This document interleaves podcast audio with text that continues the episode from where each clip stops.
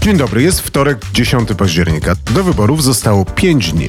Ja nazywam się Andrzej Bobiński i zapraszam na specjalne wydanie Codziennika Wyborczego, w którym z doktorem Piotrem Łukasiewiczem i Markiem Świerczyńskim będziemy rozmawiać o dymisji dwóch generałów z dowództwa Generalnego Sił Zbrojnych Rzeczpospolitej Polskiej. Zapraszam na rozmowę.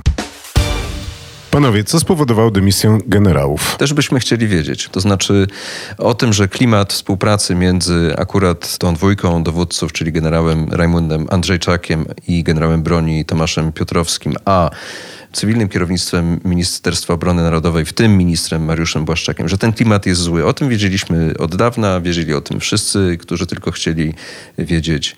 Ale jednak mimo tego wstrząsu, który obserwowaliśmy w maju, tak, po tym jak miało miejsce odkrycie tego pocisku, który upadł pod Bydgoszczą i kiedy minister obrony, no w zasadzie obarczył całkowitą odpowiedzialnością za zaistniałą sytuację właśnie dowódcę operacyjnego.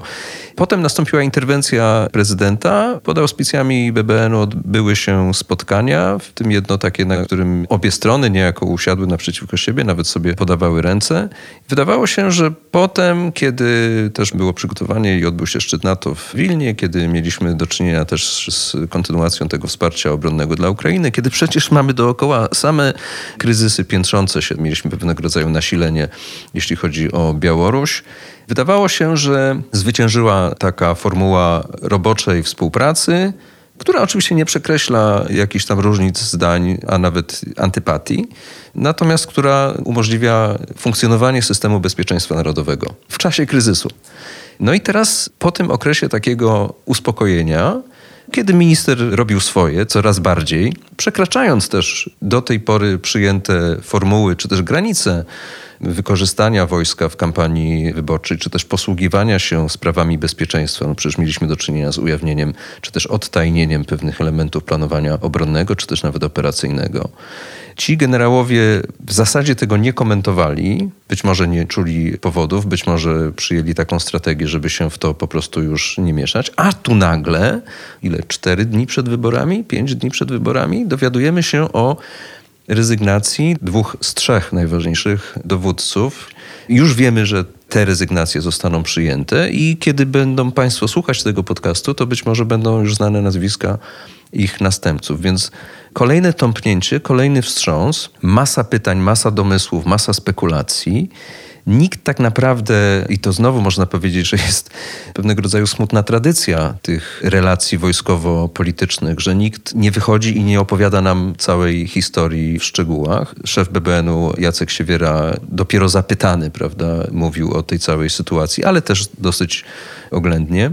Czekamy na rozwój wypadków, a w tym samym momencie nasi sojusznicy też w Ameryce obudzili się dzisiaj w sytuacji takiej, kiedy Najważniejszy kraj militarnie i politycznie i gospodarczo wschodniej flanki NATO, również najważniejszy punkt logistyczny na tej mapie wsparcia Ukrainy, okazuje się być dotknięty tak głęboką destabilizacją relacji polityczno-wojskowych, że doprowadza to do nagłego, niespodziewanego, szokującego dla bardzo wielu obserwatorów odejścia dwóch, jak mówię, cenionych, znanych, poważanych, fachowych oficerów. Chyba nie uciekniemy od spekulacji, Piotrze. Jakie są domysły co do tej dymisji i co do jej powodów? Tak szybko uzupełniając to, co powiedział Marek o tym, że no, nie wiemy, ale sam fakt niewiedzy o powodach tej dymisji staje się faktem politycznym, również faktem sojuszniczym, bo tak jak wspomnieliśmy, Waszyngton się budzi i będzie pytał, co się stało z dwoma najważniejszymi partnerami. I ta niewiedza, te spekulacje, o których za chwileczkę powiemy, na tle zbliżającej się możliwej zmiany władzy, są powodem do olbrzymiego niepokoju i no, w tym się orientujemy już bliżej, raptownej potrzeby zebrania informacji przez wszystkie zainteresowane tą sprawą strony. Co do spekulacji, no, pierwsza spekulacja, która jest no, taka nie chcę używać słowa plotka, ale mówimy o nasłuchach, o tym, co mówią osoby, które są takimi insiderami, można powiedzieć, i w wojsku, i poza nim. To jest kwestia tego zmęczenia generała Andrzejczaka relacjami z ministrem Błaszczakiem nie zachowaniem ministra Błaszczaka, ale relacjami, stanem relacji z ministrem Błaszczakiem, czego przedsmak był w sytuacji z maja, kiedy generał Skrzypczak mówił o tym, że o rakiecie zostali poinformowani przełożeni, a więc minister obrony i prezydent, a minister Błaszczak twierdził, że generałowie go o niczym nie poinformowali, domagał się dymisji, domagał się wniosków kadrowych wobec generała Piotrowskiego, który, no tak się czasami w wojsku składa, że dwóch generałów pozostaje w bliskiej przyjaźni, bo razem kończyli szkoły, przecinały się ich ścieżki kadrowe, więc tutaj te głębokie powody są zrozumiałe żołnierze mogli czuć się zaniepokojeni, obrażeni, sfrustrowani i protestować przeciwko temu, w jaki sposób wojsko grało w kampanii, zwłaszcza w kampanii Mariusza Błaszczaka. I ujawnianie danych, Znowu, ja tu wracam do swojego argumentu dotyczącego ujawnienia tych tajnych dokumentów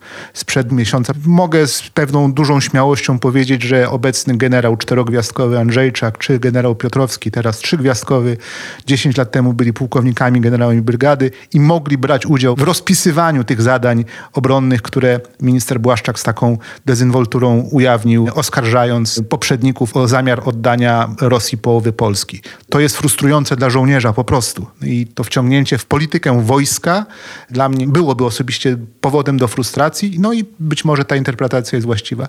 Druga interpretacja dotyczy takich trochę kabalistycznych wyjaśnień co do relacji między generałami, co do wspomnianej przez Jacka Siewierę, szefa BBN-u, inicjatyw zmieniających no, ścieżki dowodzenia, strukturę dowodzenia w Wojsku Polskim i niewątpliwie związanymi z taką zmianą struktury promocji jednych generałów, zmniejszenia rangi drugich. No, Jacek Siewiera wyraźnie mówił w swoim wystąpieniu sprzed godziny o tym, że panowie generałowie, im się już kończyła kadencja. Rzeczywiście generał Andrzejczak kończyła się jego druga kadencja, więc jakby to trochę wskazywało, że być może są tu inni generałowie, którzy teraz zabiorą się za modernizację wojska z innymi siłami.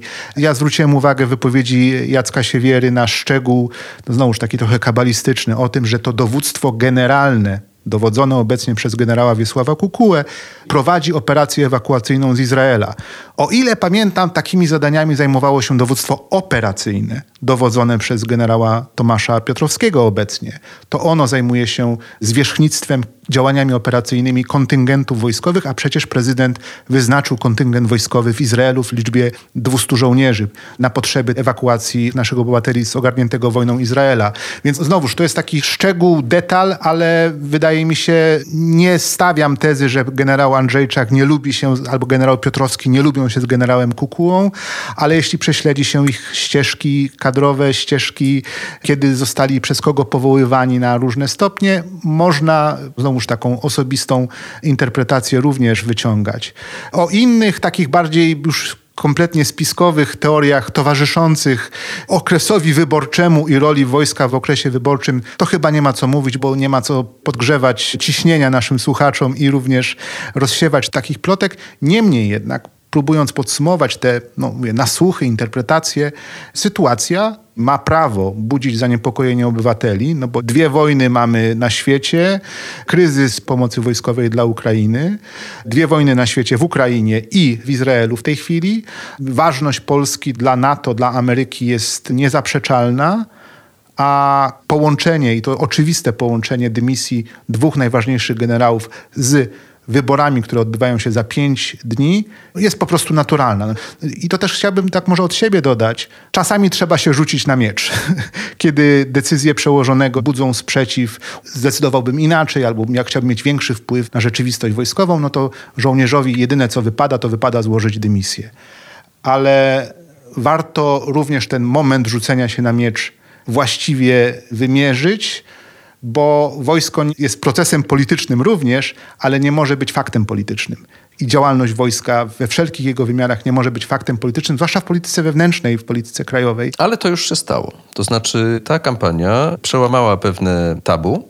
W tej kampanii zostały przekroczone pewne czerwone linie. Może to sformułowanie nie jest zbytnio adekwatne, ale pewne granice debaty i granice dyskursu politycznego bardzo y, górnolotne sformułowanie, ale tego wszystkiego, co w świecie politycznym dzieje się wokół sił zbrojnych, nawet poszczególnych oficerów, prawda, jak pokazuje sytuacja. I wydaje mi się, że przede wszystkim musimy się może nie tyle przyzwyczaić, co zaadaptować do tej nowej sytuacji, też nie uciekać od pewnych trudnych pytań, od próby odpowiedzi, nawet mając bardzo niewiele faktów do dyspozycji No bo jednak na żywym organizmie społeczeństwa w przeddzień decyzji wyborczej mają miejsce zdarzenia, które do tej pory po pierwsze nie miały miejsca, które też mają ten szerszy kontekst i tutaj Piotr mówił o tych rozmaitych kryzysach, polikryzysach, tej rzeczywistości polikryzysowej, która w tej chwili zdaje się być nową normą po prostu. I może po prostu powinniśmy przestać się dziwić, przyjmować, że zaskoczenie nie powinno być zaskakujące.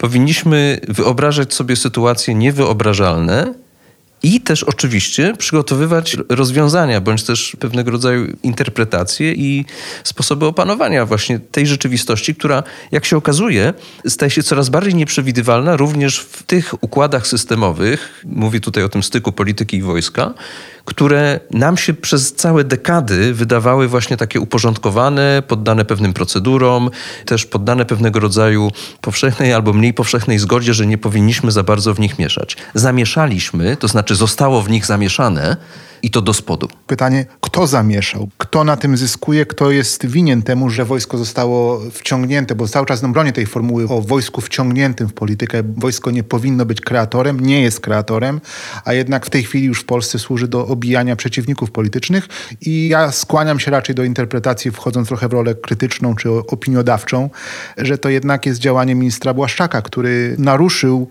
jednak tę do tej pory mniej lub bardziej przestrzeganą rolę o unikaniu polityzacji wojska, no chociażby występując na tle munduru. Jeszcze tylko jedno zdanie komentarza, że no można powiedzieć, że generałowie również weszli w tę politykę i to z butami oficerskimi. Tak jak jedni zaczęli, drudzy skończyli. To jest cały proces, na który nie można patrzeć tylko jako na dymisję generałów i niewinnego Błaszczaka, albo winnego Błaszczaka i niewinnych generałów. Znaczy to chciałem jakby mocno podkreślić, że to wyważenie powinno być objawem odpowiedzialności obu stron, a ewidentnie nie jest.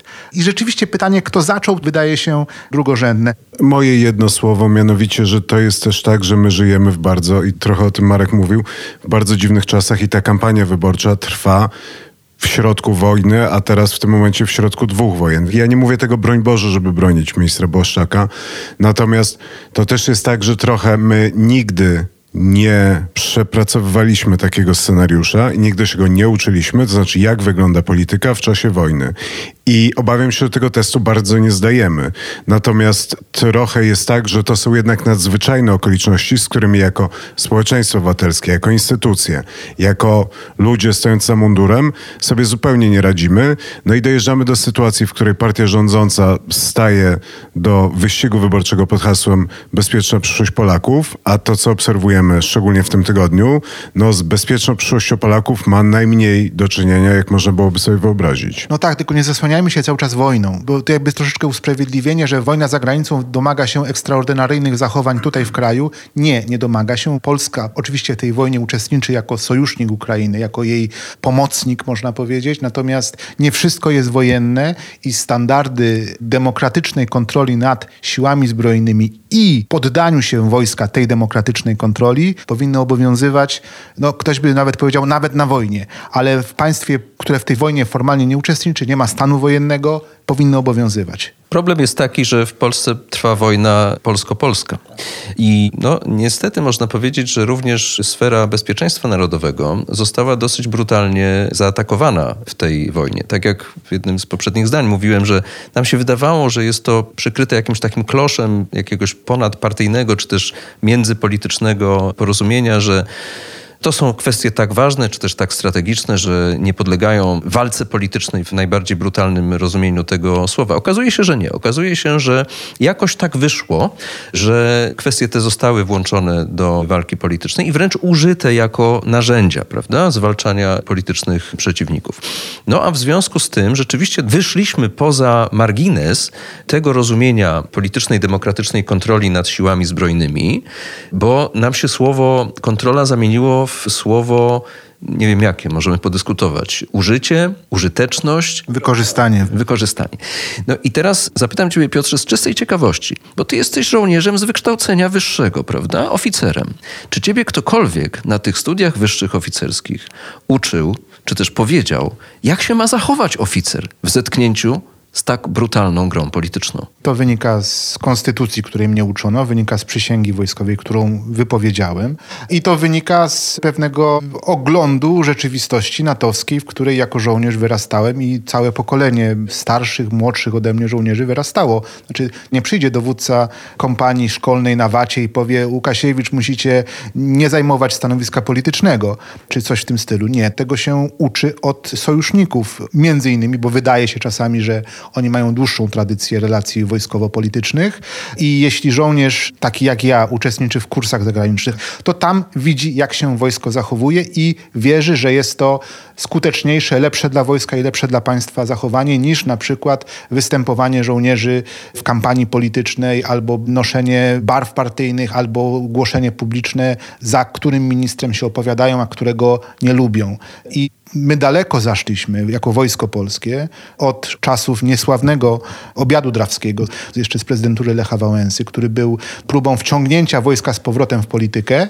To było 30 lat temu już teraz, Porównania z obiadem drawskim może są przesadzone, może to inni żołnierze, inna Polska, inny prezydent i tak dalej, ale te duchy się budzą i to jest bardzo niedobre, szkodliwe dla morale, szkodliwe dla postawy, szkodliwe dla gotowości bojowej i dla wszystkich rzeczy, z którymi wiążemy wojsko polskie, bo tu chodzi o wojsko polskie, nie wojsko jakieś wyidealizowane, wyrwane z kontekstu, tylko wojsko polskie po prostu. Dosłownie dwa zdania komentarza, bo mówiłeś o tej nauce. Uczą się oczywiście ci, którzy mają się od kogo uczyć i którzy chcą i potrafią potrafią się uczyć, a po drugie, ta nauka również powinna dotyczyć klasy politycznej. I ja tu zakończę naszą dyskusję, którą podejrzewam, że będziemy kontynuować po wyłączeniu nagrywania. Natomiast roszczę sobie prawo do ostatniego słowa. I to, co starałem się powiedzieć, i to, co staram się powiedzieć, to, że wybory są momentem, w którym społeczeństwo wybiera osoby, które decydują o najważniejszych obszarach naszego życia i państwa. I jednym z tych obszarów jest kwestia bezpieczeństwa.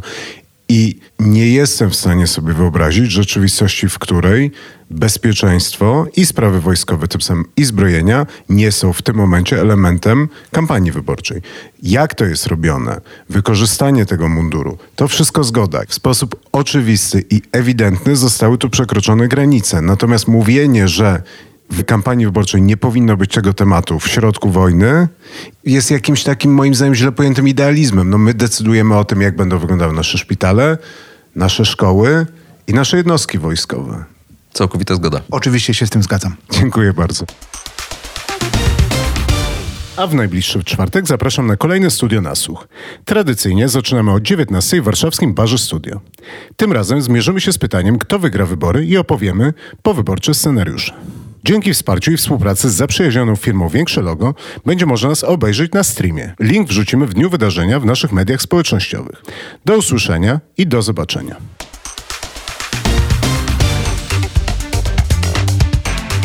Na dziś to wszystko. A na kolejny odcinek zapraszam już jutro. Posłuchajcie również innych audycji Polityki Insight, które znajdziecie w najważniejszych serwisach podcastowych i Radiu Tok FM. Do usłyszenia.